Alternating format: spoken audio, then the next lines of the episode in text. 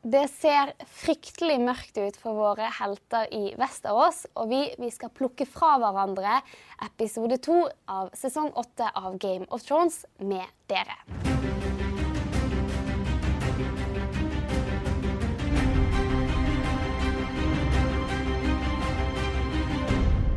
Dette er Tronetid, Dagbladets Game of Thrones-program. Og det er kanskje litt unødvendig å si, men programmet vårt inneholder selvfølgelig masse, masse spoilere. Så hvis du ennå ikke har sett eh, episode to av sesong åtte, så bør du snu i døren og heller komme tilbake igjen når du har gjort det. Og for en episode. Eh, I motsetning til første så var det faktisk ganske mange tårevåte øyeblikk. Eh, og ja, Inger Merete. Hva var ditt høydepunkt i episode to? Jeg synes jo Det mest eh, tilfredsstillende var jo Jamie Brienne-historien som løp gjennom hele denne eh, episoden og opptil flere scener. Og Hvis jeg skal plukke ut en av dem, så tenker jeg det er når Jamie står og ser på Brienne opp fra borgmuren, og de senere har en samtale som kanskje sier noe om fremtiden, nede på eh, der de øver seg. Og deg da, Marie? Jeg, må svare nesten det samme, men, eh, men, mitt høydepunkt det var nok eh, den scenen hvor uh, Jamie endelig gjorde Brienne til ridder.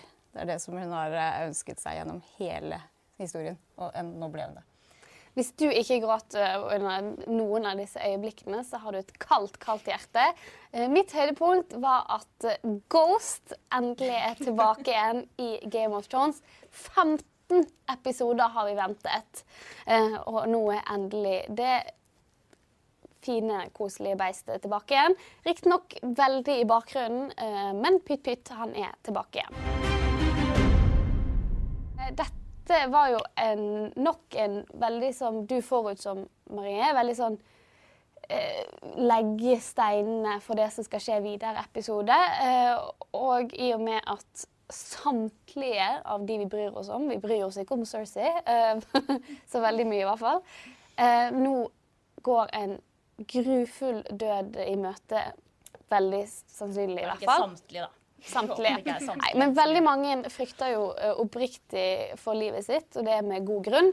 så dette her er en episode hvor det er ekstremt mange Altså farvel til livet på, på, og oppsummeringer og noen tråder eh, møtes endelig. Um, altså sånn, hva, hvordan formet det episoden, vil du si? Det var jo en, var jo en Stille før stormen-episode. Eh, framfor noen Stille før stormen-episoder, nesten. Eh, og det er jo noe som preger den litt, eh, både i, eller, kanskje, i, litt i negativ retning, samtidig som jeg syns det var en ganske fin Stille før stormen-episode. Eh, det er jo en det er jo en episode hvor det blir akkurat som forrige gang, altså lagt til rette for det store slaget som kommer. Eh, samtidig som, eh, som, eh, det er eh, vi, skal på en måte, Nå er, nå er det liksom veldig viktig at vi husker på alt som har skjedd, og alt som har, bygd seg opp fram til dette øyeblikket som vi kommer til neste mm. uke. Og det blir vi så til de grader minst på da, i veldig mange scener. Eh, det gjør at, at det, det, blir litt tungt til tider, syns jeg, med, med, veldig mange replikker som, som går ut på og liksom skal skal minne oss på hva det er som eh, eller hvor utrolig det er at vi har kommet hit. da. F.eks. Mm. at Jamie og Tyrion sitter foran peisen på Winterfell og forbereder seg til å kanskje dø mens de forsvarer Winterfell. Tenk om pappa hadde sett oss nå, liksom. Mm. Akkurat det var jo litt morsomt, men det er mange andre scener som, som, hvor det tipper over til å bli litt for teatralsk, syns jeg. da. Eh, jeg er enig i vurderingen i stor grad. Altså, på en måte kan du si at Både forrige episode og denne er jo Stille for stormen-episoder som bygger det opp, men de er det på veldig forskjellig måte. For Første episode handler på en måte om å skubbe alle sjakkbrikkene inn på mm. samme kvadratkilometer, eh, på en måte, og få unnagjort de første klemmene og overraskelsene. Og det. Og nå er jo alle der. altså Hele denne episoden foregår jo på Winterfell. Eh, og da er det jo på tide å bli litt eksistensiell. ikke sant? Og se litt tilbake og snakke om hva som betyr noe. Og, og det. Og jeg syns at det er en større ro over denne episoden. Eh, som jeg syns var en forbedring. Det har vært litt hektisk frem til nå. Men så er det jo litt det som, som Marie sier også, at dette blir jo også en veldig hva skal jeg si, en veldig oppriktig, nesten sånn inderlig episode. Vi er jo nå ganske langt vekk fra eh, det liksom respektløse eh, sex og vold, tjo og hei, eh, mm. Game of Thrones, som, som, det har vært tidligere. Da. Og det er på en måte sånn sett betegnende at den heter, jo, heter vel Night of the Seven Kingdoms med henvisning til Brienne. Og at her er jo ganske mange i litt sånn ridderlig modus. Og ganske my mye mer ridderlig modus enn de kanskje har vært i før. Det er jo på en måte, Selv om Game of Thrones er kjent for alle de store slagscenene og sjokkene, så er jo det det som gjør at vi, veldig mange, i hvert fall meg selv, elsker denne serien. Selv om vi er jo kritiske, men det er jo bare fordi vi er så glad i den. Eh, så eh, er jo det nettopp de stille øyeblikkene eh, hvor det blir sagt én ting, og kanskje det blir litt for teatralsk her, men det blir sagt ting som peker både fremover og bakover og sier så mye om både den personen, men også den reisen den personen har vært på. Eh, og ja, nei, jeg syns eh, Jeg syns at eh, selv om den på en måte stanger hodet mot den klisjéveggen ganske ofte, så klarer det liksom å forløse det på en måte som gjør at det ikke blir så klisjéfylt som det kunne i verste fall blitt. Så er det jo forskjell på scenene. Eh, Jeg syns kanskje den, den åpningsscenen eh, hvor Jamie kommer inn, så, eh, og alle sammen skal, må, skal si det de må si når de møter ham igjen? Den, den blir litt sånn oppstyltet. Men så har du sånne små øyeblikk som når uh, sir Davos uh, står og, og deler ut suppe til folk som kommer. Altså, hvordan ble han der? Hvordan havna han der? Det er én ting. Men så, møter, så, møter han, så møter han denne lille jenta hvor du ser at hun har merker etter, etter den sykdommen som lille prinsesse Shireen også hadde. Er det det, eller er det bare et annet? Det så ut som et brannmerke. Så ikke helt ut som grayscale. Ja, det var antagelig noe som minnet han om det, i hvert fall. Ja. Kan, kan vi vel si. Altså, Ja. du, du skjønner jo hva det er han tenker når han ser henne, men han, men han sier det ikke. Altså, han trenger ikke å uttale det, men vi som har fulgt serien og som er blodfans, da, vi skjønner Mm. Ja. det jo med en gang. Og Jilly også var jo der. Også, og hun også hadde jo et veldig godt forhold til Shireen, altså Berettien, da, Stennis sin datter, som ble brent på bålet. Og så passer det jo litt på henne. Altså, det er på en måte, de kunne på en måte ikke beskytte Shireen mot det som skjedde mot henne, men de prøver jo å eh, redde denne lille jenta. Ja, nei, eh, en eh, episode med mye eh, tung, tyngde fra både fortiden og ekstremt mange eh, eksistensielle kriser, som jo er forståelig. Selv om kanskje ting skjedde litt fort, så må vi jo tenke at ingen i denne serien, eh, kanskje minus John, da, har på noe som helst tidspunkt tenkt at nå dør jeg. eh, på en så, eller, og Beric også, for så vidt. Eh, på en så sterk måte som det de gjør nå, da, fordi de møter en fiende som de, altså, de har ikke vært i nærheten av noe så farlig eh, og bygget opp som kollektiv farlighet, da, eh, hvis det er et ord. Nei, de, skal, de skal jo møte døden i sin person, som de, Yes. som de, sier de vel nesten rett ut.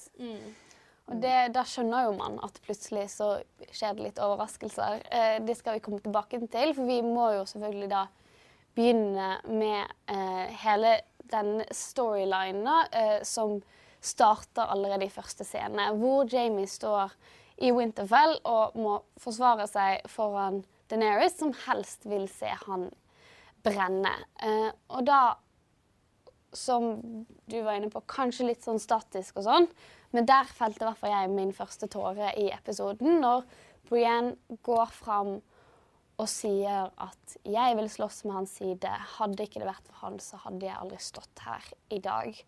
Eh, og så fortsetter det med eh, en også veldig fin scene som du påpekte, med ute i hvor de lærer å slåss. Ja, altså Hvis vi skal si litt om hvorfor har denne, Ja. eh, denne relasjonen vært så fascinerende for det er jo ikke, altså Jeg har jo sittet liksom sånn og ventet på at dette skal skje i b- episoder og sesonger. Og, og i det hele tatt. Og så vet jeg at det har vært en del som har trodd litt på at det kanskje kunne bli noe med henne og Brienne og Tormund i stedet. Personlig aldri kjøpt den. Eh, jeg bare ventet på at dette skulle Jeg tenker at dette er den store, tunge relasjonen da, i, i livene til de respektive som vi skal se, se utfolde seg.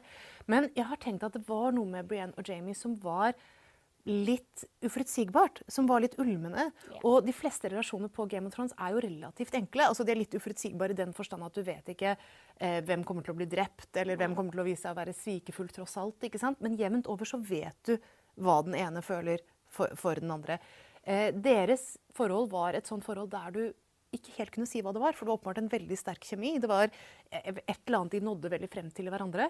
Så var det noen som tenkte var det romantisk? ikke sant? Var det, men Jamie forsvant jo tilbake til Cersei. Var det erotisk? Det var et veldig erotisk øyeblikk det på Herrenholm, men det var samtidig ikke noe som virket som det skulle liksom bli sex da, på den måten. Så det er på en måte noe annet, noe som gjør at du kan gå og lure litt på hva, hva er det som binder dem sammen. da. Ja, Og, og jeg har tenkt litt, hvis jeg bare kan, at på en måte så er det det er jo et slags trekantdrama ja. mellom Jamie og Cersei og, og Brienne, men det er på en måte Og ikke et hvis du tar hvis du tar med Tormund. Men det er på en måte ikke et erotisk Nei. trekantdrama. Det er mer av et sånn åndelig trekantdrama, nesten, hvor han nå har, gått, har switchet rett og slett fra den ene til den andre. Da. Og han si, eh, sier vel mer eller mindre rett ut at det var for å slåss med henne. Altså at det var en Ja. tung faktor i at han er på Ja, motet altså, fordi at uh, altså sånn det, Hadde ikke det vært for Brienne, hadde, tror dere at Jamie hadde dratt fra Cersei? Er hans ære så sterk? Det er jo på en måte det som har vært på en måte bindeleddet mellom de to hele veien. At eh, hun begynte med å hate han fordi at han var en kongemorder. Han drepte folk i dolket i ryggen. Eh, han var ikke den ridderen hun hadde lært at en ridder skulle være. Eh, men også måte ble det sånn sammenvevd at hun skjønte Begge to gikk fra å være svart-hvitt til å bli litt lysegrå da, og forstå på en måte nyansene i det. Men hadde, tror dere at Jamie hadde dratt nordover hvis det ikke var for Brienne? Nei, det er jeg veldig sikker på at han ikke hadde gjort. Hun er så ekstremt viktig i den, eh, den, for, den forandringen som han har gjennomgått. Da. Hun var jo på en måte den første som forsto ham, eller som Ja. så at han var noe annet enn eh, Kingslayer, som han blir kalt for hele tiden. Hun, da hun fikk høre den historien, så, så skjønte hun at det bodde noe mer King Killer. ja, King Killer, som vi kaller det hvis vi er Tormund. Så jeg tror at hun har vært ekstremt viktig. Eh, og han har vært viktig for henne. Eh, og relasjonen deres blir også veldig tydelig i det når han gir henne det sverdet som fornavnet navnet O- Oathkeeper. Eh, fordi at hun skal holde den eden som han har avlagt. Eh, men jeg syns, jeg at den eh, historien deres fikk en sånn nydelig avslutning, må vel nesten si det, eh, når han gjorde henne til ridder. Eh, for det er jo, eh, tror jeg, det som Brienne har ønsket seg hele veien. Hun har jo ikke Jeg eller tenker, også tenker at den relasjonen som de har hatt sammen, den, er jo ikke, den har jo ikke vært egentlig så veldig romantisk.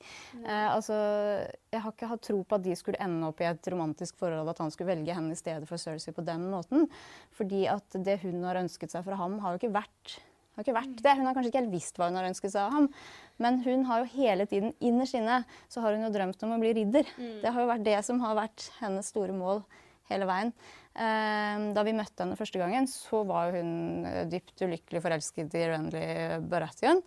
Eh, s- eh, Slik at vi kan kanskje tro at det var et sånt mål, at det var liksom en jakt på kjærlighet og sånn som drev henne. Men det blir hele, hele tiden framstilt som en litt sånn tåpelig ungdomsforelskelse, på, på sett og vis. Men hun, hun var jo glad hun, Grunnen til at hun var forelsket i Renly, Mm. eller elsket han altså sånn, jeg tror hun på en måte har vært, eh, har vært eller er Har på en måte så, sånne type følelser for. Jamie også. Mm. grunnen til at hun var så forelsket i Renly, var jo fordi at han for første gang behandlet henne Mm. som noe annet enn det hun hadde fått høre hele veien. At hun var stygg og svær og ikke en liksom ordentlig dame. Mm. Men han behandlet henne som en dame. Han behandlet henne med respekt.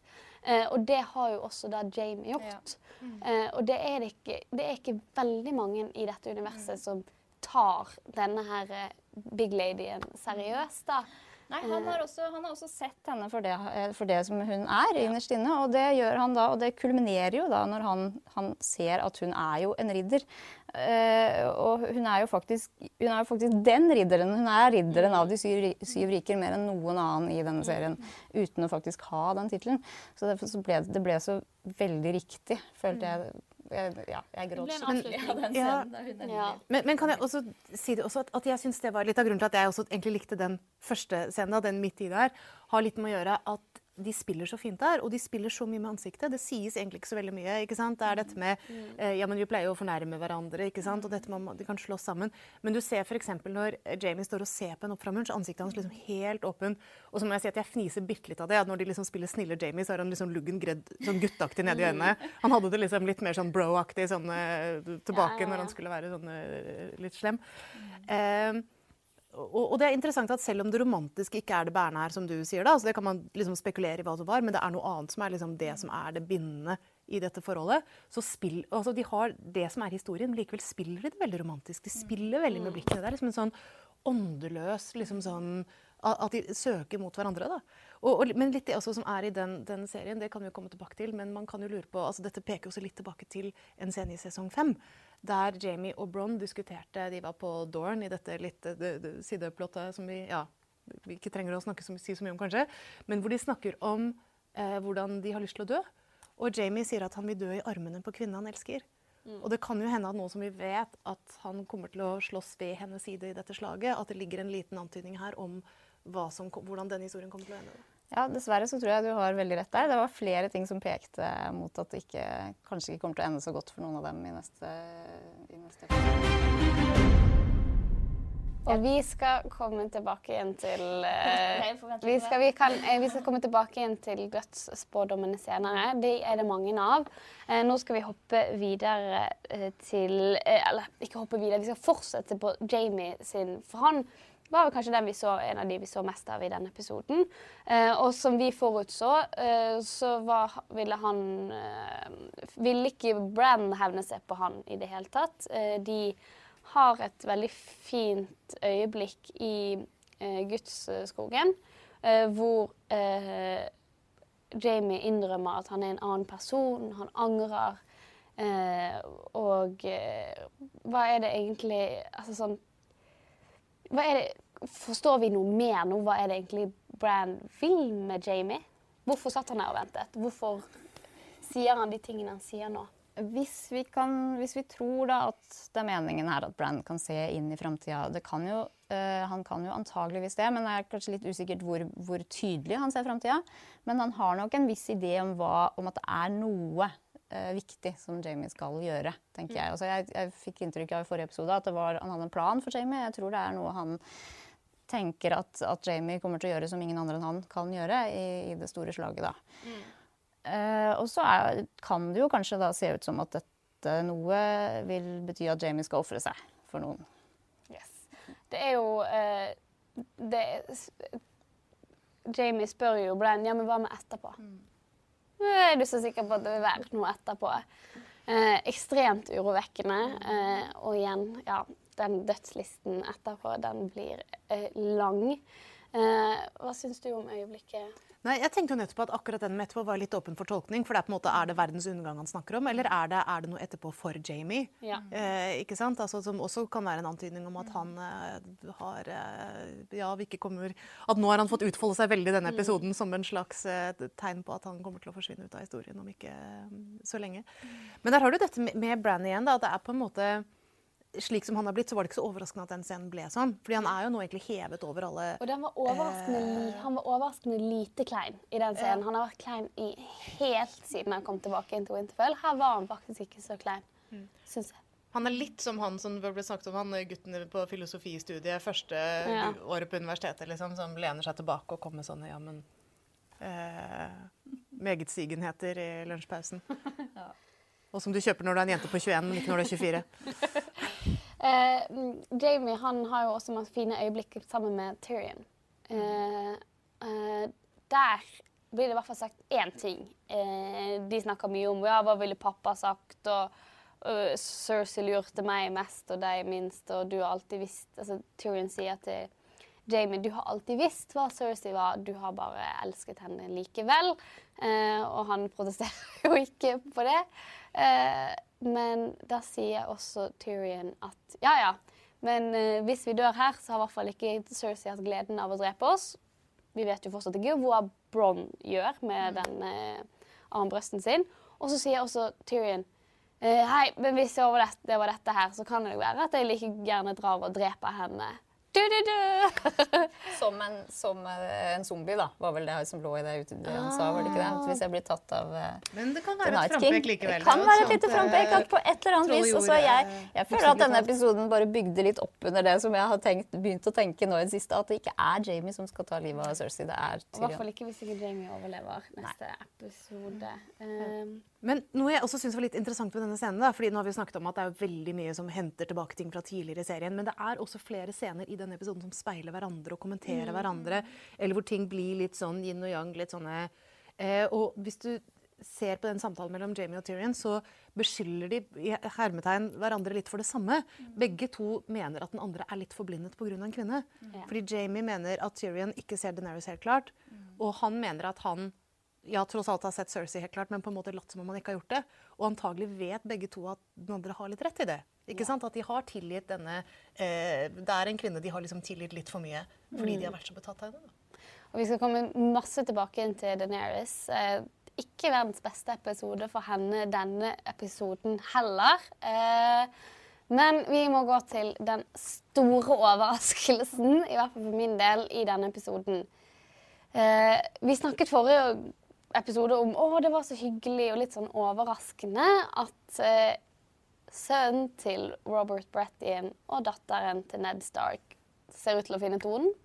Eh, Gendry og Arya. Ops! Eh, plutselig ble bitte, bitte lille Arya Stark en voksen eh, kvinne, og hun gjorde det på en måte ikke jeg kunne forestilt meg at det skjedde på. Kunne du ikke det? Hadde du ikke forestilt deg at det skulle skje akkurat sånn? Hvordan ellers skulle det forestille seg foregå? Nei, For meg så var det bare helt fullstendig riktig at, at eh, hun tok eh, saken i egne, egne hender på den måten. Det kunne jo ikke være Gendry som tok initiativet der. Men jeg synes også det er litt fint, for det, du kan på en måte se også når du ser scenene som går forut for da, at de faller inn i armene på hverandre. ikke sant? Eh, eller, eller samtalen som gjør det, så er det jo først at hun driver og imponerer med hvor god hun er til å kaste disse knivene. ikke sant?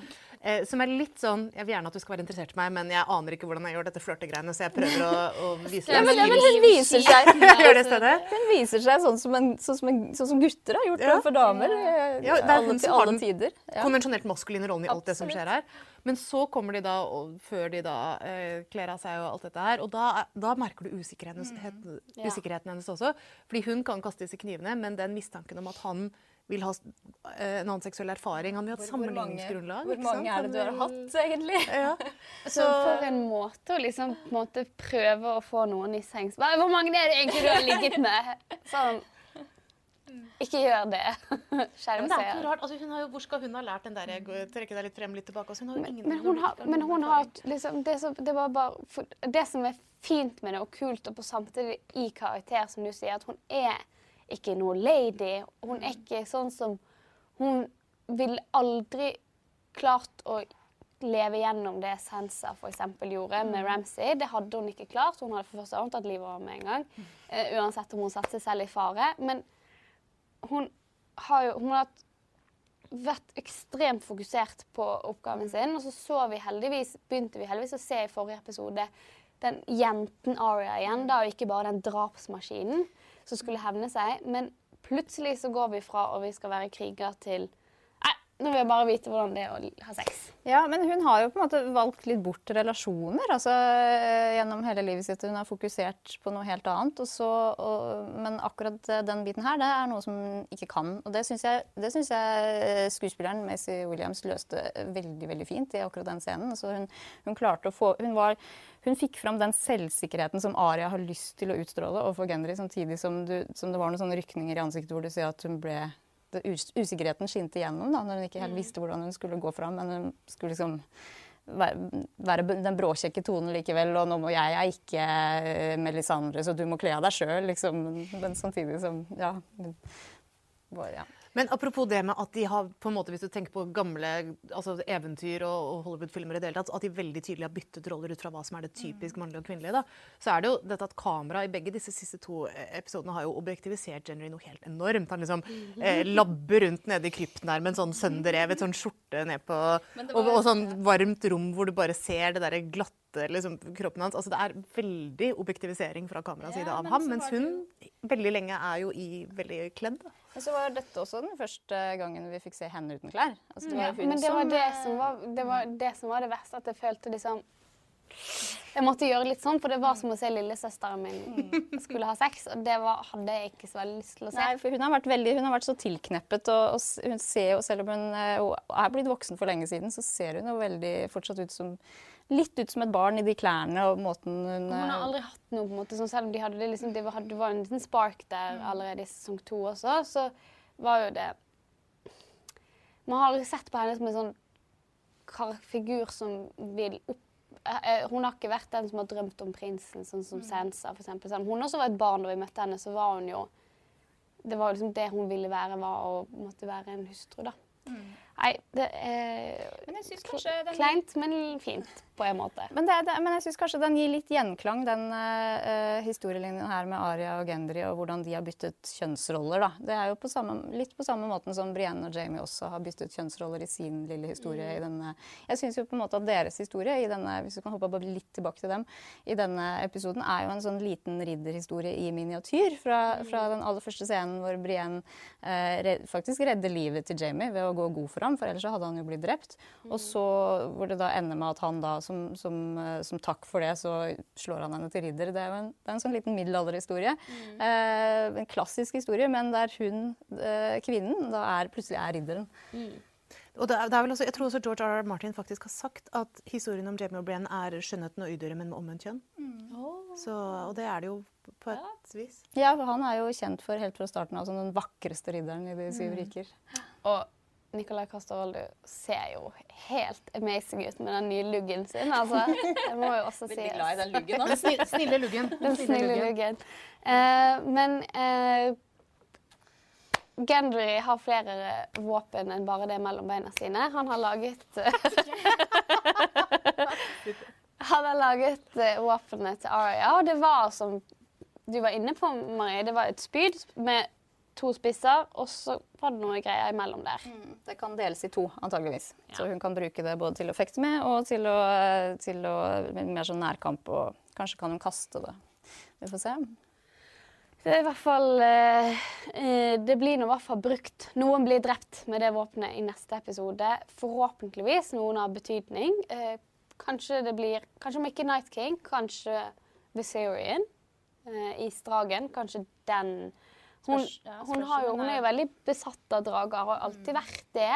Kanskje hun nå plutselig bare hmm, Det spørs om hun kan kaste fullt så hardt som det skal til for at Hvis det Night King kan kaste og treffe en drage, så kan vel Aria det også? Ja, men vi har jo trengt den Nå husker jeg ikke hva den innretningen man brukte for å, for å skyte på dragen tidligere het for noe, men man har jo trengt en sånn diger Scorpion. maskin. Ja, Scorpion. Ja. Jeg tror kanskje at musklene til Aria ikke er store nok til å gjenspeile det. Nei, men eh, noen skal eh, i hvert fall brukes det våpenet på. Det blir utrolig spennende å se hvem det blir. Eh, og fra en stor overraskelse så skal vi hoppe litt videre til eh, det er i hvert fall eh, oss eh, Fantor-teori-elskende eh, seere kan kalle den største skuffelsen i den episoden. For mens eh, John og eh, hele gjengen Daenerys og alle som skal lede kampen mot de døde, står rundt eh, dette kartet og snakker strategi, så kommer plutselig Brand bare sånn Oi, jo, men vi vet jo hva han vil. The Night King. Han skal jo drepe meg fordi at jeg er menneskets minne.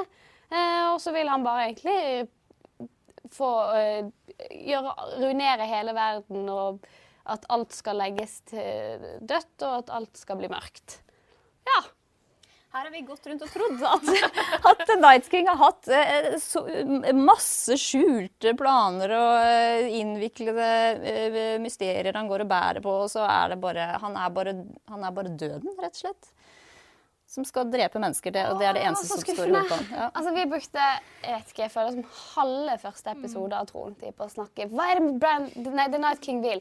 Er han uh, Bran? Uh, hvorfor har han ikke drept John? Hvorfor eh, eh, lager han disse her eh, tegnene? Eh, Altså sånn, Alle de tingene her eh, har fått oss til å på en måte vri hodene våre, for det kan ikke være så enkelt. Og I tillegg så har jo han eh, skuespilleren som eh, spiller The Night King, som vi har glemt navnet på, eh, han sier, har sagt i et intervju at jo da, The Night King er på jakt etter noen. Og ja, selv om vi pekte på at den noen mest sannsynlig var Bran, Vi trodde jo at det var Bran. fordi at han, har liksom, han snudde jo nordover uh, for å ta Bran da han ga merket, så var jo dette ganske skuffende. Hva tenker du? Ja, altså, jeg tenkte mer på sånn bare det synet på verden som kommer frem her. Som på en måte Jeg er helt enig i at jeg syns det ikke det fungerer eh, helt. Altså, det er, men det er på en måte en fin tanke. Altså, det med hva er det som gjør oss til mennesker? Da? Altså, det at man har en fortelling om seg selv, en fortelling om hva som har skjedd før. Det at man kan se på seg selv som et ledd, ikke sant? det man opplever som en episode eller en del av den historien. Jeg syns det er en fin tanke og i tråd med en så intenst historiebevisst serie mm. som Game, uh, Game of Thrones. Eh, men hvis du begynner å tenke på ok, så hvis du tar livet av han som går og bærer på denne historien, så er det over. Sånn er det jo bare ikke. Altså, det er jo ikke sånn at andre mennesker ikke har minne. Det er ikke sånn at det ikke finnes bøker. Det er ikke sånn at det, ikke sant? Så det er noe med at, den, at det liksom skal ha de konsekvensene. Eh, du skal ikke prikke så mye borti det som konsept før det gynger litt. Da. Ja, Sam var jo også opptatt av at eh, det du, det du vet, det, det, er ikke bare noe som står i bøker. Det, det er noe som du, som du, husker og som du ser, som om bøker er noe bare. Bøker er vel ikke bare. og det er jo veldig rart når det kommer fra Sam sine mm. lepper, når han er den som, foruten om Tyrion, kanskje også enda mer, da, elsker bøker. Mm. Uh, og har i bevist at også kunnskap er et viktig våpen uh, her. Uh, nei, hele den scenen var rar. Også i tillegg så presterer Theon, da, eh, som vi også skal snakke mer om, om litt. Men eh, plutselig så skal han eh, og hans ti Ironborns være nok til å beskytte en krepling ved et tre? Mm. på en måte? Jeg syns kanskje det strategimøtet der det, det ble avsluttet litt fort. Var litt, litt raskt ferdig med å planlegge krig, og så setter vi oss ved peisen og drikker litt. Og de, kom, de kom ikke til eventuelt? Nei, det det liksom nei og det er jo altså sånn Heldigvis så sa John noe om at nei, men dragene må jo også passe på, uh, altså, på uh, Bran, og takk og lov for det, for man har jo vist hvor ubrukelig Theon Greyjoy og hans ti Ironborns har vært. De hadde klart å liksom redde uh, Yara på det skipet. Uh, men det, det, måtte, vi, hvis vi er ferdig med å hakke litt ned på den scenen, så kan vi snakke mer om The Night King og sånn senere i episoden, så må jeg bare spørre Blir dette uh, altså Theons redemption, da, i mangel på Hva var det du ja, altså, Dette norske? høres ut som famous last word, hvis jeg ja. noen gang har hørt dem. Dette er jo, men altså, Theons historie de siste episodene og siste delen av serien har jo vært at han må finne en eller annen måte å gjøre bot på. Mm. Eh, fordi han har gjort på en måte så mye forferdelig at det er ikke nok liksom, bare å dukke opp og si hei. Altså, du må eh, på en måte gjøre et offer, da, ikke sant? eller en eller annen innsats eller et eller annet som viser at Eh, at, faktisk, at, han faktisk fortjener å bli tatt inn i den eh, varmen eh, igjen. Eller tatt inn i kulda når det er kaldt. Nei, jeg vet ikke. Um, han, han, jeg, men, trodde jo, jeg, trodde jo, egentlig at det var det han skulle gjøre da han skulle redde Yara. Ja. Redde mm. søsteren sin. Men så Men det var men det, var, men det er jo Stark-familien. Han må ja. Fordi, ja, fordi det var jo øh, den scenen hvor han møter Sansa igjen, som var helt nydelig. Der begynte jeg også å grine. Det tenker jeg var jo et bevis på at han Det er, jo ikke Yara som er søsteren hans, egentlig. Altså, hun er det i blod, men, men, de har jo ikke vokst opp sammen. Det er jo Sansa og Aria og den gjengen der han har vokst opp sammen med. Mm. Og det var jo fra henne han fikk den den søsterlige reaksjonen da de så hverandre igjen. Altså, da han møtte Yara igjen og reddet henne og drepte jeg vet ikke hvor mange mennesker for, å, for at hun skulle slippe fri, så, så, slo hun ham rett ned.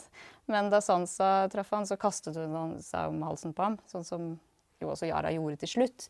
Men, mm. men, jeg tenker jo det er jo et bevis på at det er jo her Altså, det, er jo, det, er jo, her familien hans er, på Winterfell. Men at han også kommer til å dø i forsvar av en Stark, altså, det tenker jeg er en naturlig konsekvens. Det er jo det ultimate offeret han kan gjøre, det er jo å redde livet til Bran, fordi Det var jo Bran han var verst mot. Da. Det var jo Bran han uh, lot som han tok livet av uh, og jaktet på uh, da han var ikke på sitt beste mm. en periode. Nei. Nei, eh, det er jo helt åpenbart at eh, ja, Som eh, John sa til Theon også i eh, eh, siste episode av sesong syv, at liksom, du kan være både en Stark og en Greyjoy. Du må ikke velge. Eh, det var jo ganske bra at John sa da, siden han nok vil si det samme om seg selv nå. men det er en annen historie. så er jo det da Det er jo Stark-familien han har bedratt. Ja, OK, han var feiget ut uh, litt overfor uh, Yara. Det var kjipt. Men det er ikke, ha, det er ikke Yara han har ødelagt for i så stor grad han har ødelagt for uh, Stark-familien. Uh, så jeg gleder meg uh, og skal sitte klar med et glass med vin og se på at uh, Theon Greyjoy endelig eh, møter sin skjebne i neste episode. Uh, ja, det var kjempekoselig når han møtte Sensa, og jeg tok meg selv også og begynte å gråte. Ikke pga. han gråt, men fordi at Sensa gråter. Uh, fordi det er noe vakkert og fint med det, og de sitter og spiser noe suppe og smiler også en kort øyeblikk senere i episoden. Og det tror jeg føler var, det føler jeg veldig var spikeren i kisten på hans karriere i Westerås. um, men eh, hvis ikke det var noe mer å legge til der ja, altså Det eneste er at uh, jeg var jo også veldig fascinert av dette øyeblikket foran peisen, som vi så vidt var inne på i sted. Som på en måte er jo dette store eksistensielle Nå kommer den store hæren av de døde. Mm. Vi skal kanskje dø. Men altså, samtidig så er det jo alle nachspiel. Altså Der sitter de to gutta og drikker, ikke sant? og så kommer hun flinke jenta som sier at nei, hun har en viktig oppgave dagen etter, så hun skal ikke drikke. Og så sier han kjekke gutten nei, nei, sett deg ned. Og så sier hun OK! Og så setter hun seg ned. og så bare pokker det på, og så kommer flere og flere. Og så kommer han fulle duden sjanglende inn og liksom tar over hele showet. Eh, og egentlig gjør at den liksom, tandre liksom, samtalen blir litt annerledes enn hva man faktisk så for seg. Og jeg husker jeg bare så på den scenen og tenkte jepp, dette har jeg vært med på 32 ganger. Men, det, det var jo, men det, jeg syns det var litt herlig også, da måten eh, vi endelig fikk se Jamie og Tormund slåss litt om Brienne. Altså, altså det, ble, det, ble, ganske subtilt, og det var liksom ikke helt åpent eh, fra noen av dem. Men det var veldig tydelig at begge to skjønte at her hadde de en konkurrent på et eller annet vis. da. Mm. Så kommer Tormund og forteller historien om hvordan han eh, ble ja, om kjempen. og kona hans osv. Det var ingen som var spesielt imponert over det. Og så kommer Jamie og slår henne til ridder, for det kan han gjøre. Og det er det hun egentlig Og Kristoffer Hivju la inn en veldig god søknad om klovner i alle mulige slags barneselskap i alle år fremover. Eh, det er jo det han har på en måte blitt redusert til, eh, i hvert fall i denne scenen her. Eh, han er jo Altså sånn Folk elsker han for det, og det er jo altså sånn det er altså sånn han er jo ekstremt malplassert i den gruppen der i utgangspunktet, uh, Tormund. Han har jo en helt annen bakgrunn å sitte der ved siden av Jamie og Brienne, som er jo da disse edle ridderne og uh, hån til dronningen, og så skal han sitte der og på en måte være med på de. Han må jo være det Altså, Han må jo bare være seg selv på en måte, og sitte der og drikke hva enn det han drikker, og mm. si upassende ting. Og, ja. Eller nei, hva, hva er det, hva er det Så noe som sånn melk. Geitemelk. Geitemelk Syrnet. Geit, eller hest, ja. Geitemelk. Noe, noe ingen ville ønske å drikke hvis det ikke var ham. Eh, men jeg tenker at han har blitt så mye av en comic relief som han har. altså Uh, han passer jo veldig godt til det. ikke sant? Det er litt av grunnen til at han har blitt en yndling uh, for fansen. Men jeg ønsker jo også at han får en viss sånn gravitas og verdighet før han Vi tror vel også at han kanskje ikke kommer til å leve ut serien, eller hva tror vi? Nei, jeg tror ikke han kommer til å overleve slaget om Winterfell.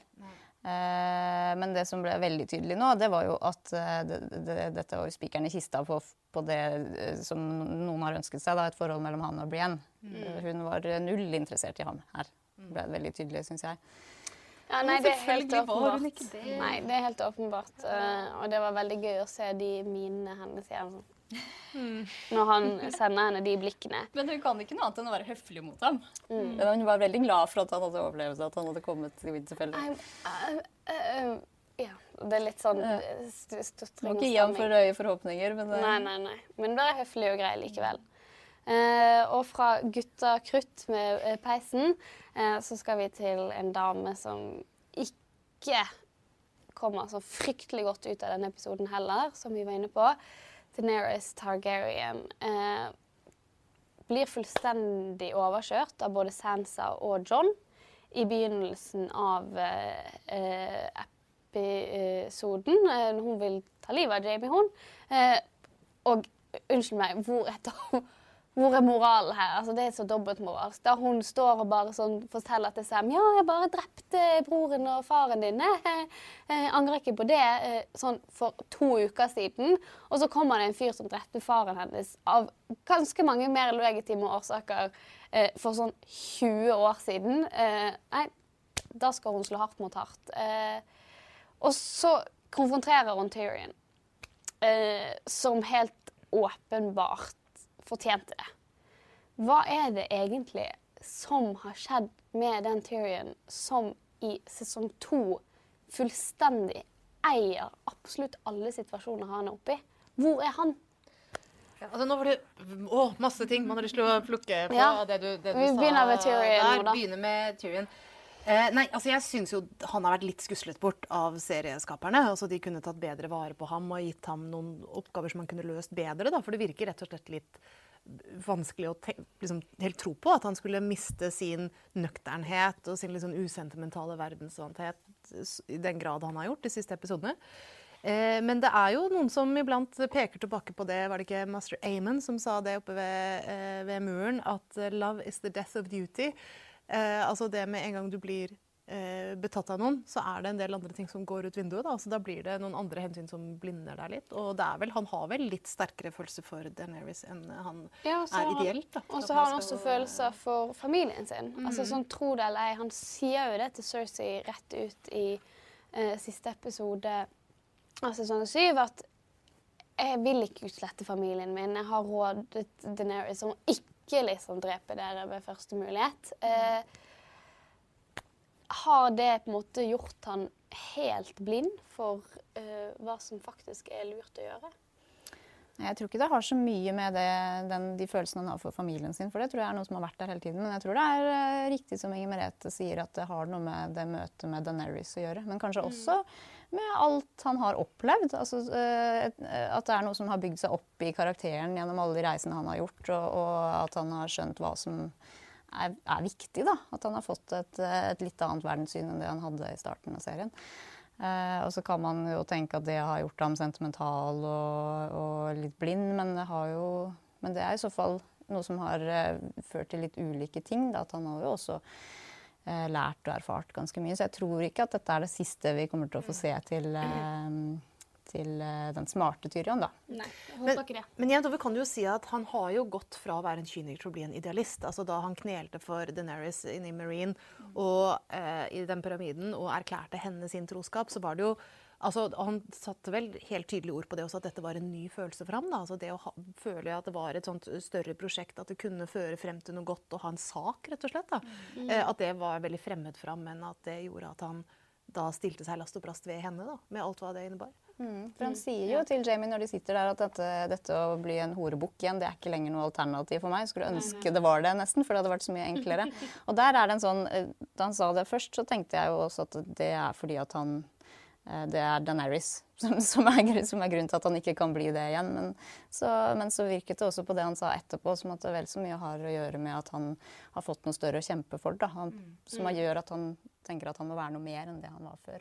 På en måte kan du tenke, kan, man ikke bli en horebukk igjen? Altså, på en måte sier han nesten det på vegne av hele serien. altså på vegne av Game of Thrones, fordi dette er jo en sånn, Særlig de to episodene vi har sett nå, jeg var litt inne på det i sted, er jo sånn at hovedpersonene trekkes i retning av det litt sånn eh, inderlige og, og oppriktige og liv og død og de store tankene. Altså den derre eh, mer sånn eh, eh, Hva skal jeg si Løsaktige, lettlivede, livsbegjærlige eh, får ta for oss mens vi ennå kan, for i morgen er vi døde-følelsen som egentlig var der i, i begynnelsen, da, er jo betraktelig dempet. Eh, men heldigvis virker det som at uh, Daenerys eh, tilgir Tyrion enn så lenge. Hun trenger han, hun vil ha han i krypten under slaget.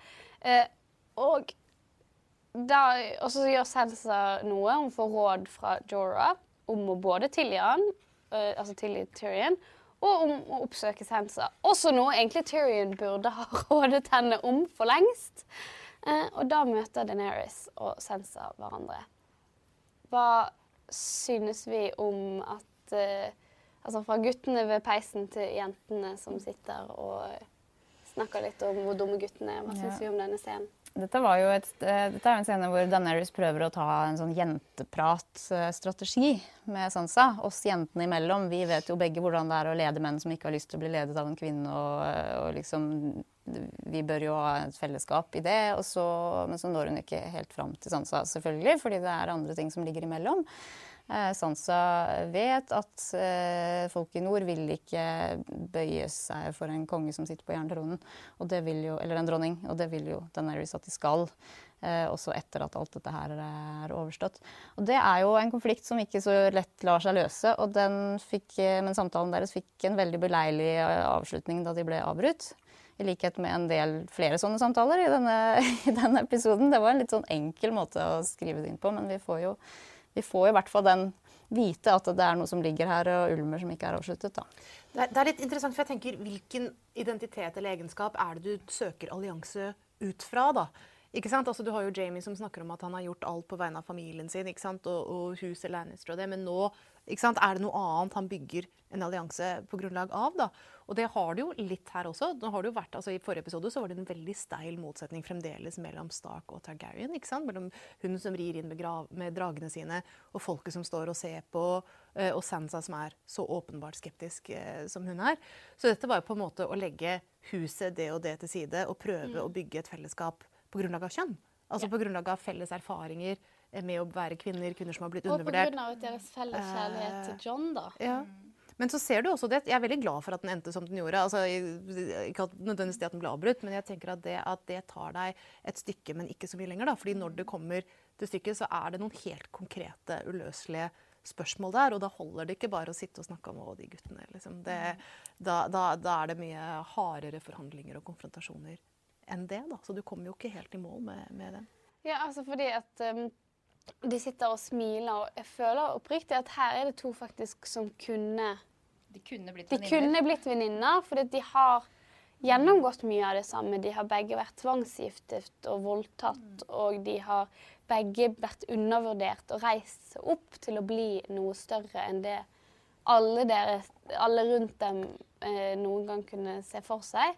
Eh, og eh, det er en slags mutual respect der, da, eh, i mangel på Ja.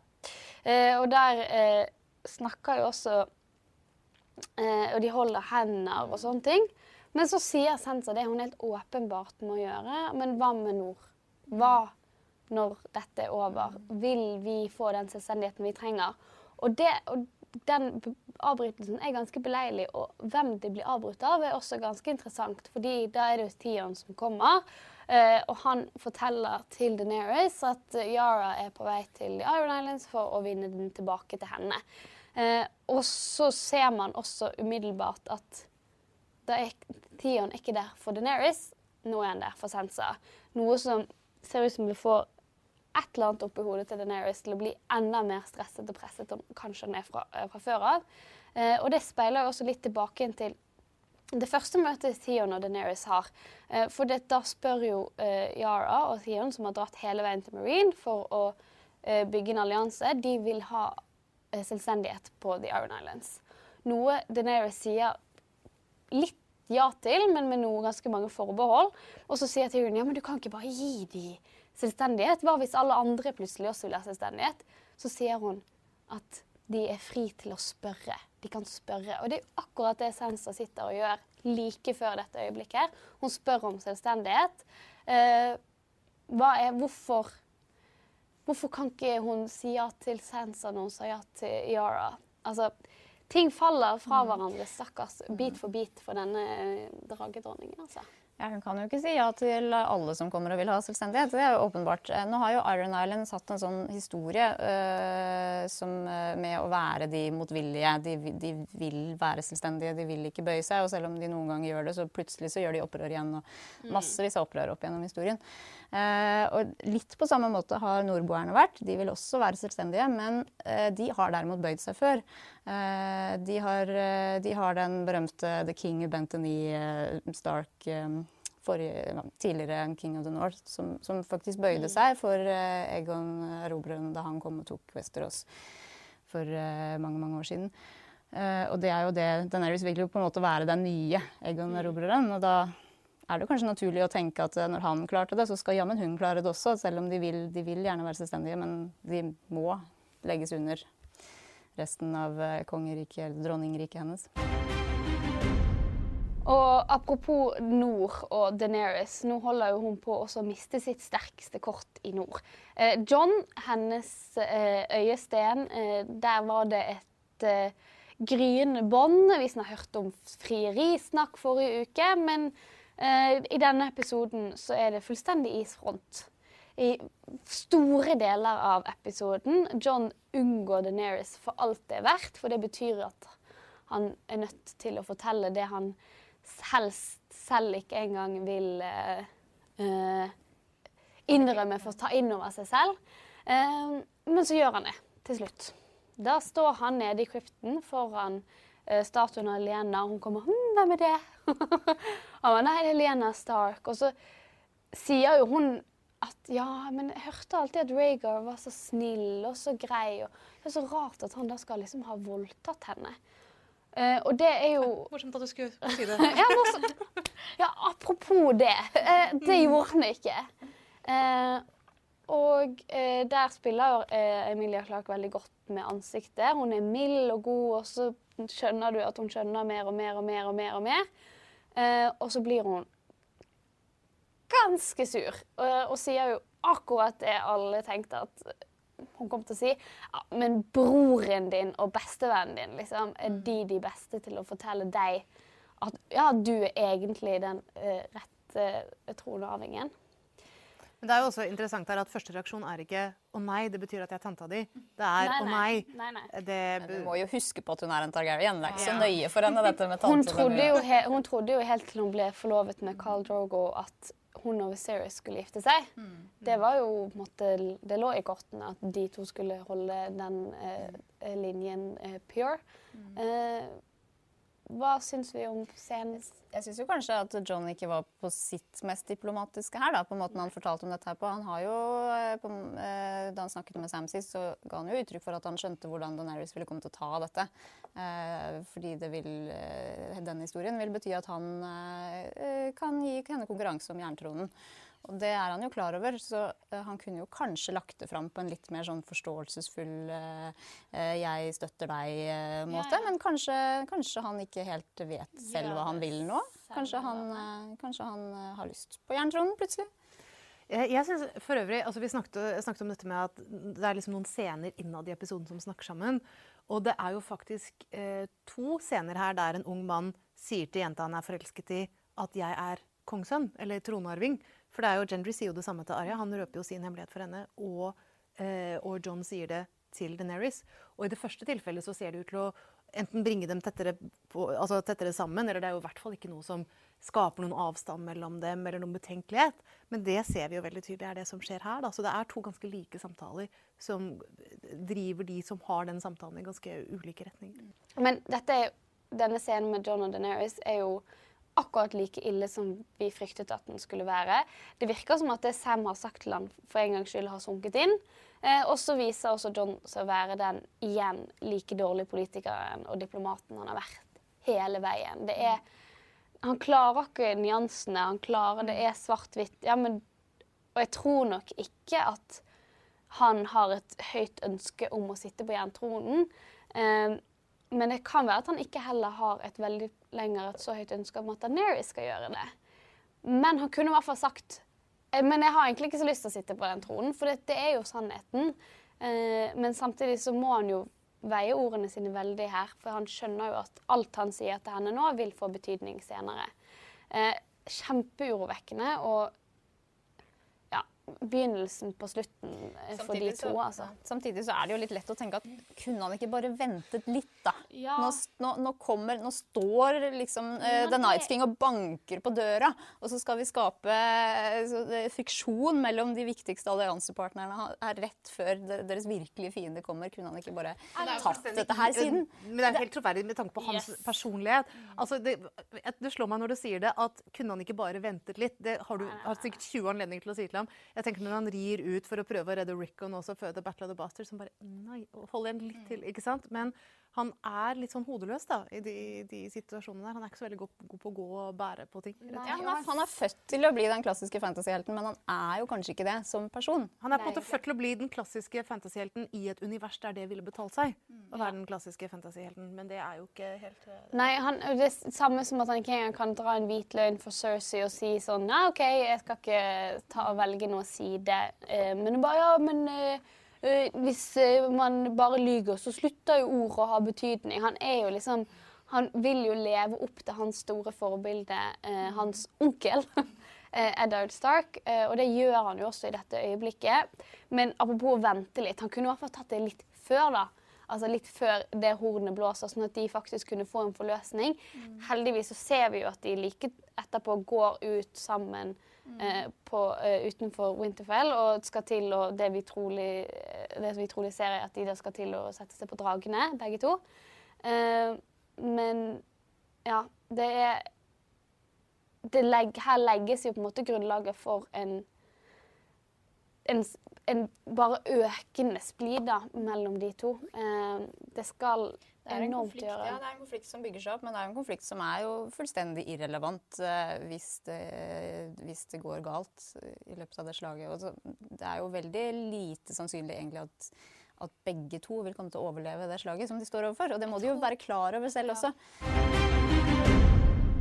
Eh, men hvis vi hopper spoler litt tilbake inn i episoden også, eh, fra denne ikke så hyggelige eh, samtalen, eh, så har eh, Så ser vi Gutta krutt ved peisen, eh, nachspielet. Eh, det går over i en nytt modus, for eh, før man snakker om alle alt man har gjort og har litt rørende øyeblikk, så er du på tide med litt allsang. Og der er det jo ingen som melder seg, før plutselig Podrick, eh, som har mange skjulte talenter Hvem skulle trodd at han hadde den sangstemmen? Ja, eh, ikke bare er han ekstremt god i sengen, eh, skal vi tro horene i Kings Landing. Han også, eh, har også en eh, gullstrupe. Og der synger han en sang, Marie, som du eh, Ja, veldig gjerne vil fortelle om hva bakgrunnen for sangen er. Ja, dette er jo kanskje det lille nikket til blodfansen i denne episoden. Han synger eh, Jennys sang, eh, som eh, vi kjenner fra bøkene, men som, eh, som i bøkene dukker opp i en handlingstråd som ikke har eh, blitt tatt med i TV-serien, som så veldig mange andre. da.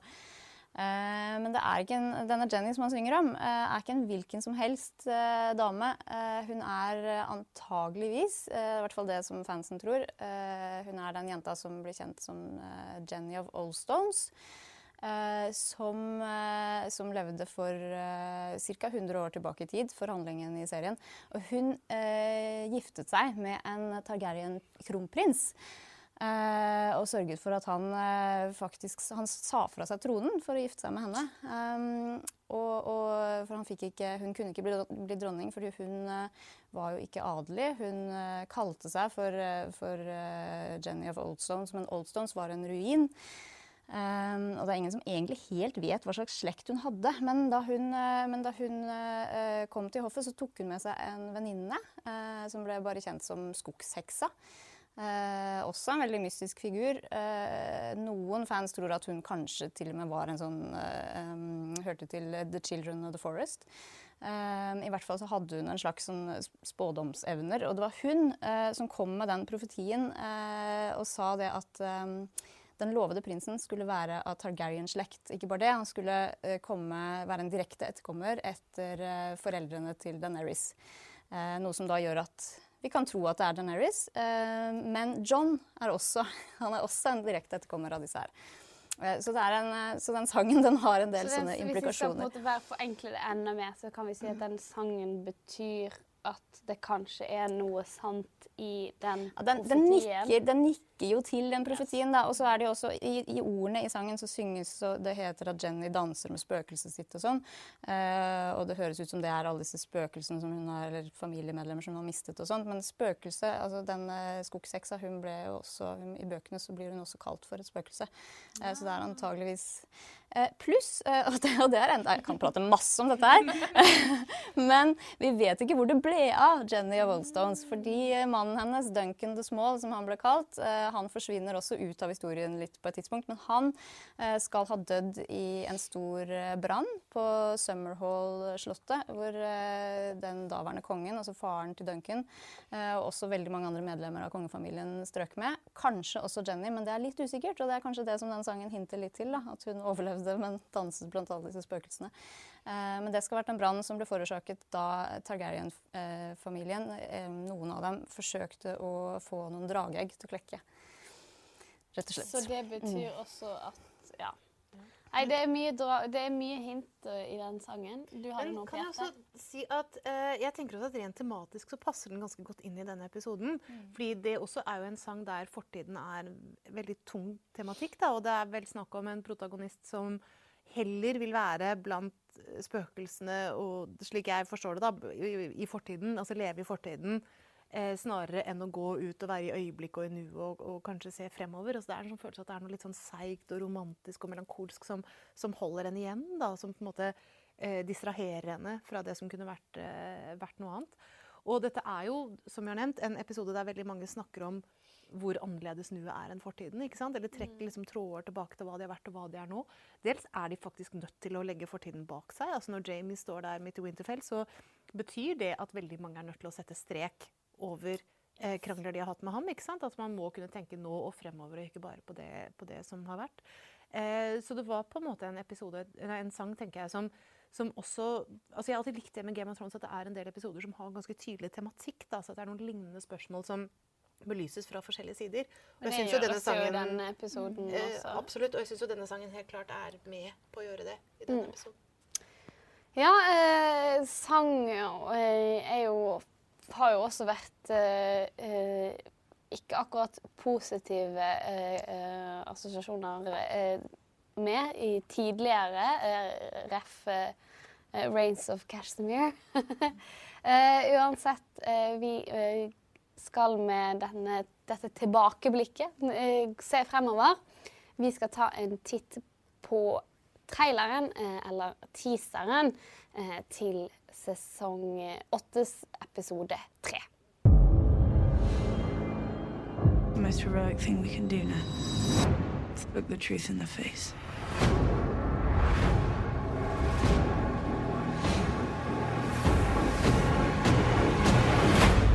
The Night King is coming.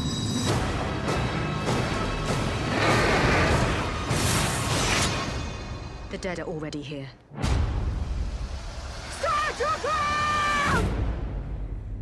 The Battle of Winterfell er i gang, og dette kommer til å bli et skikkelig, skikkelig blodbad. Eh, det tror i hvert fall alle vi. Eh, og eh, før vi kommer tilbake til hvem vi dessverre tror ryker med i dette blodbadet, så må vi snakke om én ting. Altså, her ser vi jo at The Army of the Dead altså, kommer til Winterfell. Vi ser alle gjøre seg klare. Alle står klare. Eh, vi ser noen bilder av faktisk slåsskamp også. og vi ser Don og Deneris stå og skue over fra en liten knaus i nærheten. Eh, og eh, eh, så ser vi også flere bilder eh, inne fra Winterfell, inne fra krypten. Og der er vi nødt til å plukke opp igjen noe vi har snakket om i første episode av Tronetid, eh, som eh, ble ekstremt tydelig i denne episoden også, fordi de nevnes, den nevnes hele tiden. Eh, dere må gå og med gjemme dere i crypt, The Crypts eh, fordi at der er det trygt. Det blir sagt til hvor mange rollefigurer i denne episoden. Krypten er trygg, der kan du være. Der går det kjempefint. Det er ingen som kommer til å komme ned der. Eller er det det? Marie, vi begynner med det mest, mest trolige vi har snakket om at ja, kanskje det blir skjelettene til Ned og Lienna og hele Stark-slekten plutselig blir blåst liv i. Men hvis vi legger den teorien til side, er det noe som helst annet i The Crypts og Winterfell som kan få betydning i neste episode? Et retorisk spørsmål, dette. ja, det er veldig, det er jo noen store fanteorier der ute som går på at det er noe annet enn zombier nede i krypten. Uh, og det er uh, mange som tror at det er en drage der, rett og slett. Eh, det høres jo litt eh, spesielt ut, kanskje, at det kan ha ligget en drage der eh, under et slott i mange mange år og lurt. Men det er jo dette at Winterfell er bygd på varme kilder, det er noe av det som får den teorien til å, til å gå. Fordi det er mange som tror at det rett og slett er dragen som får disse varme kildene til å være varme. Um, men hvor skulle det i så fall komme en drage fra? Det er jo en annen sak. Uh, altså, vi vet jo bare fra av Vi vet jo at uh, det, I hvert fall i bøkene så blir det beskrevet at uh, krypten i Vinterfell er massiv. Og det er mange mange uh, tunneler og deler av krypten, og noe er avsperret fordi det har rast sammen. Uh, dette var jo noe av det første som ble bygd i Winterfell av selveste Brandy Builder, ifølge sangen i hvert fall. Og den skal også trekke, strekke seg visstnok også under uh, Gudsskogen. Eh, og eh, Og det stemmer jo ganske godt da med den kan jo det være mye inni der. Mm, det stemmer jo ganske godt med måten Game of Thrones spiller på. Altså, disse eh, middelalderfortellinger og, og, og de konvensjonene som knyttes til det. Dette med at det kan være en dragehule under slottet. Det er jo Det må jo nesten Men hvor skal denne dragen ha kommet fra? ja, det er jo akkurat det. Og i, i Westeros-historien så, så, så heter det det Eller forrige gang eh, det kom eh, en Targaryen-dronning til Westeros, eh, det var dronning Alysand, eh, jeg er helt sikker på det, er over, hun skal være over 100 år siden, så, så, er det noen som tror da at eh, en, det var en, en drage som la igjen noen egg på eh, Winterfell, eh, som må ha blitt borte på et eller annet tidspunkt. Et av de kan kanskje ha blitt klekket. Eh, men så er det en annen fanteori som jeg leste nå nylig, som går på det at eh, kanskje John Snow eh, rett og slett fikk et drageegg, han også, av faren sin. før de, Eller Lyanna må ha fått det drageegget av Rhaegar før han forsvant i krigen. og så for at hun skulle da gi det til eh, babyen sin. Fordi det var en sånn tradisjon i Targaryen-familien eh, at alle, alle nyfødte babyer skulle få et drageegg som ble lagt i krybben sammen med dem. Sånn at eh, på et tidspunkt da så ville det egget klekke, og så ville prinsen eller prinsessen da vokse opp sammen med dragen sin. Det var sånn de fikk drager i utgangspunktet. Dette, og det var noe som de da fortsatte med også etter at dragene ble utdødd og eggene hadde sluttet å klekke. Så fortsatte de å legge egg i krybben deres i håp om at de da kanskje skulle gjøre det en gang. Så den, dette drageegget eventuelt som Rhaegar har gitt til Lyanna, som Lena igjen har gitt til Ned, det kan jo eventuelt for eksempel ligge i krypten Ja. til Kanskje Ned, Lena. ja, kanskje Ned uh, tok med seg drageegget sammen med Jon Snow og gjemte det i krypten, og kanskje det klekket på et eller annet tidspunkt. Um, jeg har, altså, dette er utrolig mye mer prosaisk og, og kjedelig og, eh, og praktisk enn en hva som nettopp ble fortalt her. Men jeg tenker også på den replikken som er i teaseren, da, den med 'the dead are already here'. Hvorfor skulle du si det i det hele tatt? Altså, man vet jo uansett at de er veldig nær, så de må være uventet nær på en eller annen måte når hun sier det.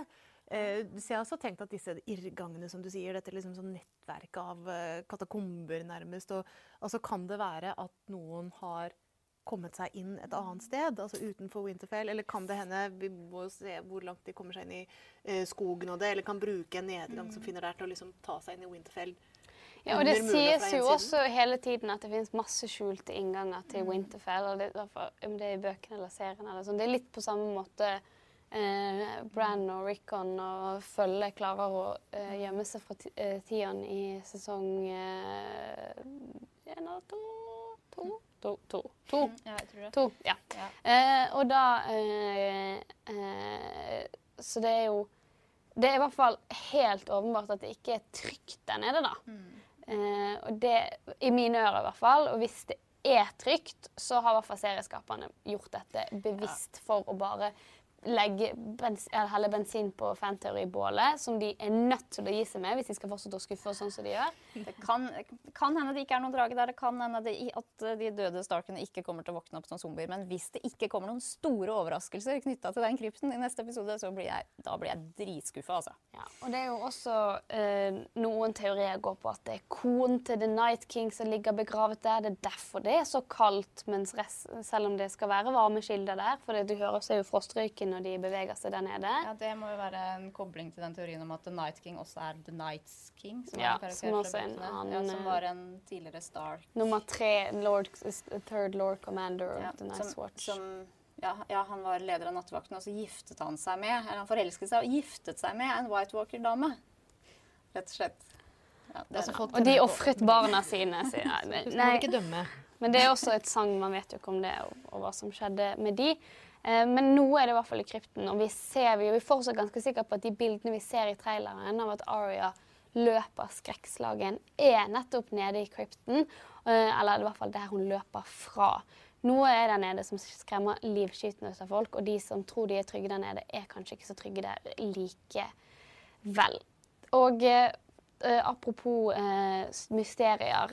Vi fikk jo høre nå at The Night King egentlig bare vil drepe Bran, og så dermed også utslette menneskets minne, og så ruinere hele Vesterås. Eh, og da har jo Bran hatt en genial plan at han skal sitte ute i Gudskogen, mens eh, Theon og hans ti hjelpere står og skal passe på han. Eh, men vi har jo ikke et eneste sted, verken i den første traileren i nå eller i denne teaseren her, mest sannsynlig Vi ser en drage, men det kan også være Deneris eh, som rir på den. Eh, så ser vi kanskje ikke The Night King. Eh, altså sånn Hvor Og en av Eller for å spole tilbake En av de største teoriene i denne sesongen, eh, og som hadde vært veldig kult hvis det var sann, for da gir oss det litt mer overraskelse enn at det bare er at The Army of the Dead skal komme til Winterfell, og så skal de ruinere det, og så skal de, resten skal de dra sørover. Men det er at The Night King slettes ikke er med denne hæren som kommer til uh, Winterfell. At han tar med Viserion og flyr sørover. Tror vi på dette? Eh, jeg syns kanskje det er litt usannsynlig at han forlater hæren sin. fordi det vil jo innebære at han har en eh, større strategisk plan. Og nå har vi på en måte fått bekreftet at han Eller det er i hvert fall ting som tyder på at han er, han er jo en ganske stor andel instinkt. Mm. Eller dødsinstinkt. Eh, så om han er en sånn eh, lurendreier, at han, han lar hæren gjøre sitt, og så flyr han nedover til Kings Landing for å gjøre sitt der, jeg er ikke sikker på om det måte stemmer med det inntrykket jeg har fått av den karakteren. da. Eh, men det kunne jo vært en fin overraskelse.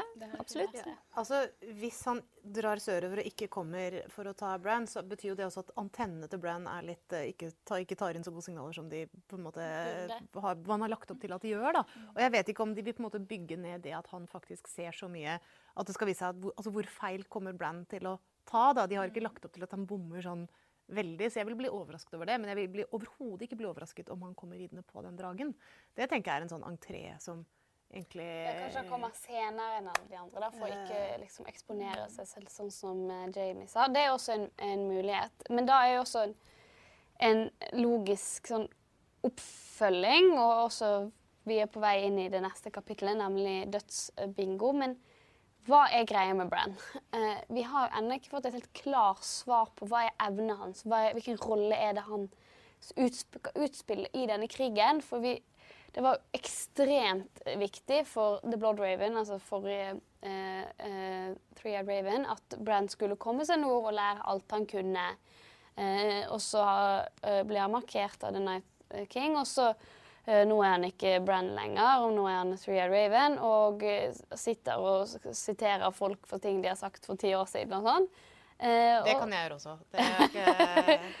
Men eh, han skal da sette seg selv ut i denne skogen og vente på å bli drept, eller? Han ja, på, jeg, jeg, ser jo på han, på han, som Det virker som han på en måte skal være den ultimate eh, dødsfienden til døden, på en måte. Altså at de er litt sånn Ja, han er livet, og The Night King er døden, og, så, og nå skal de komme den, Nå skal de slåss mot hverandre, da. Um, men, men, det er ikke så umiddelbart lett å forstå hva han er. Han er knytta til the, the, Children of the Forest på et eller annet mystisk vis. Og så kan han se bakover og antageligvis framover, men på litt sånn flytende vis. Han kan kan nok se Jeg tror han kan se inn i framtida, men at det kanskje ikke er eh, Nei, at han, han, eh, kanskje han kan se ulike scenarioer som kan utspille seg. Hvis, no, hvis det skjer, så kanskje det skjer. Og, og så må han flytte brikkene for ja. å på en måte treffe det best mulige scenarioet. Ja, jeg tenker at det kanskje er noe sånt.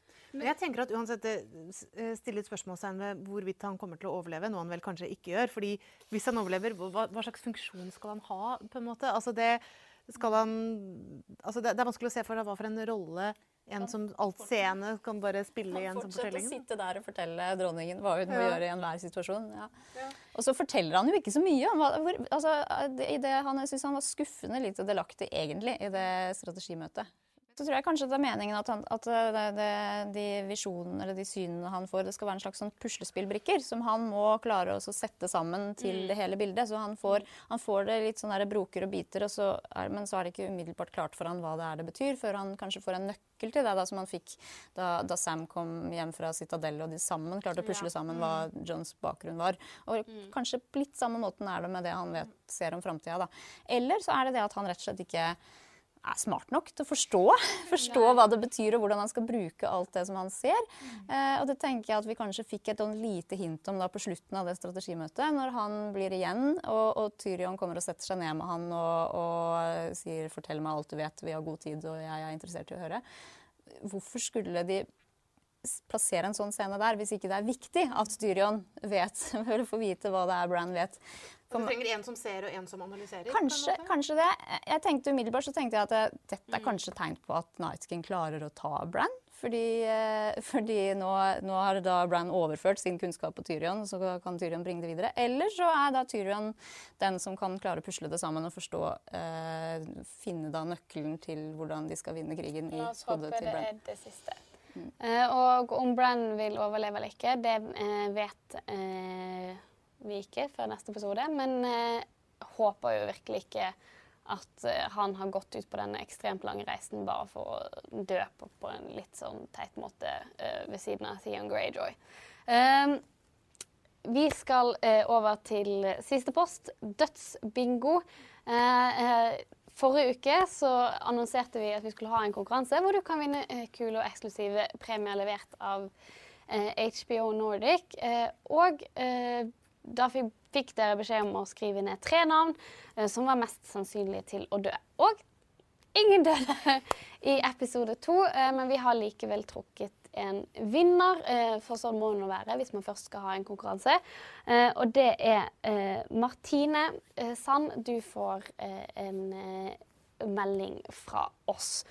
Og nå til eh, dødsbingo denne uken. Hvis du skal være med på dødsbingo, så er du nødt til å gå inn eh, på Facebook og søke opp Tronetid, Dagbladets Game of Thrones-program, og skrive i kommentarfeltet på den posten som kommer eh, snart.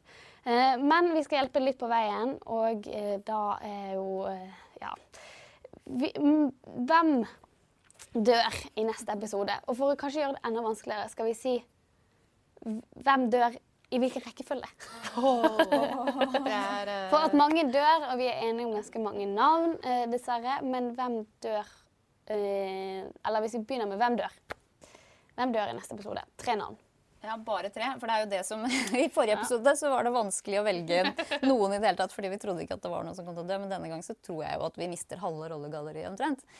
Eh, men jeg tenkte da at jeg skal gjøre det litt vanskelig for meg selv og så velge noen som er litt sånn eh, Kanskje ikke helt åpenbare, for det er, det er, noen, eh, det er noen som er litt mer enklere enn andre her.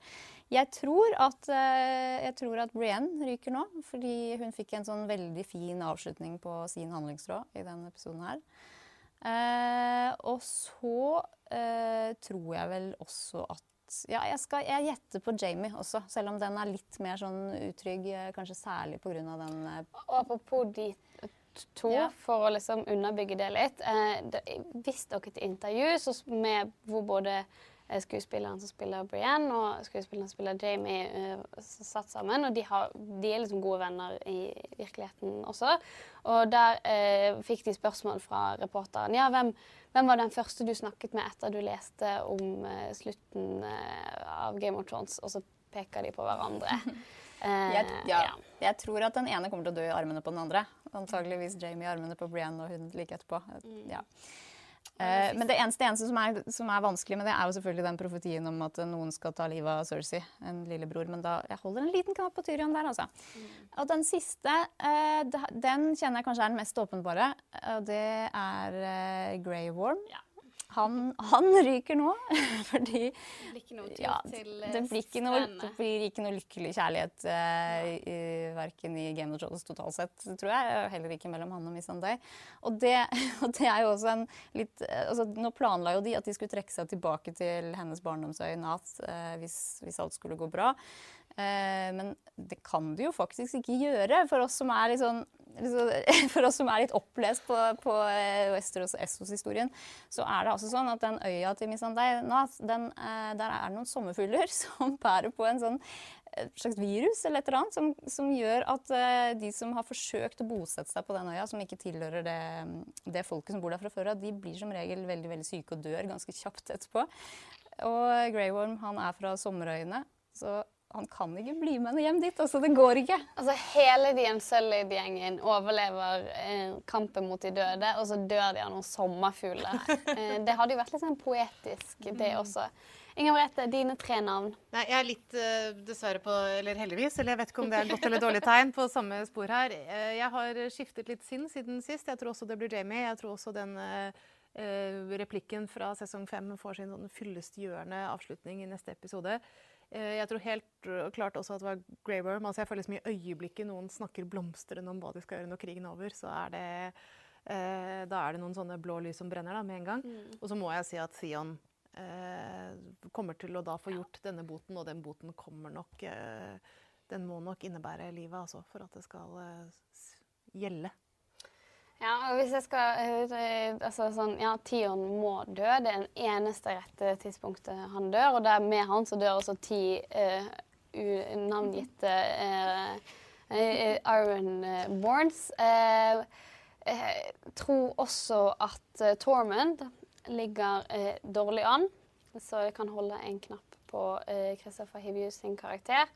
Eh, Jorah også får en slags forløsning i denne episoden hvor han får, sverd. han får et nytt eh, sverd. Ikke det han egentlig skulle ha arve, eh, men et nytt sverd av uh, Valerisk stål. altså men det gir han jo litt bedre sjanser, da, plutselig. Ja, det gir han bedre sjanser, men det blir en slags sånn avrunding, og han har en slags sånn fint øyeblikk med Deneris hvor de også får litt sånn avrunding på det. Liksom, han har kanskje skjønt at han aldri ville få damen han elsket, eh, og heller ikke være hennes hånd, men ja. Mm. Det var en del karaktertråder som falt litt på plass yes. i denne episoden. her. Og det var jo litt urovekkende for dem det gjelder. Ja. Uh, og inkludert også Tormy Vi får vite om hvorfor heter han egentlig Giant Spain, liksom. Og så får vi diskutere om det er hvor sant det er eller ikke. Og hvis jeg skal komme inn med en liten bonus på slutten der Han fyren som står eh, først i matkøen til Davos og sier 'Jeg kan ikke slåss', Uh, jeg tror nok dessverre at han også stryker med i neste episode. Eh, og med det eh, så skal vi runde av, og så må vi igjen minne på om at hvis det er noe vi har sagt her som dere blir helt uh, sjokkert over eller er uenig med oss i, så gi oss gjerne, gjerne beskjed.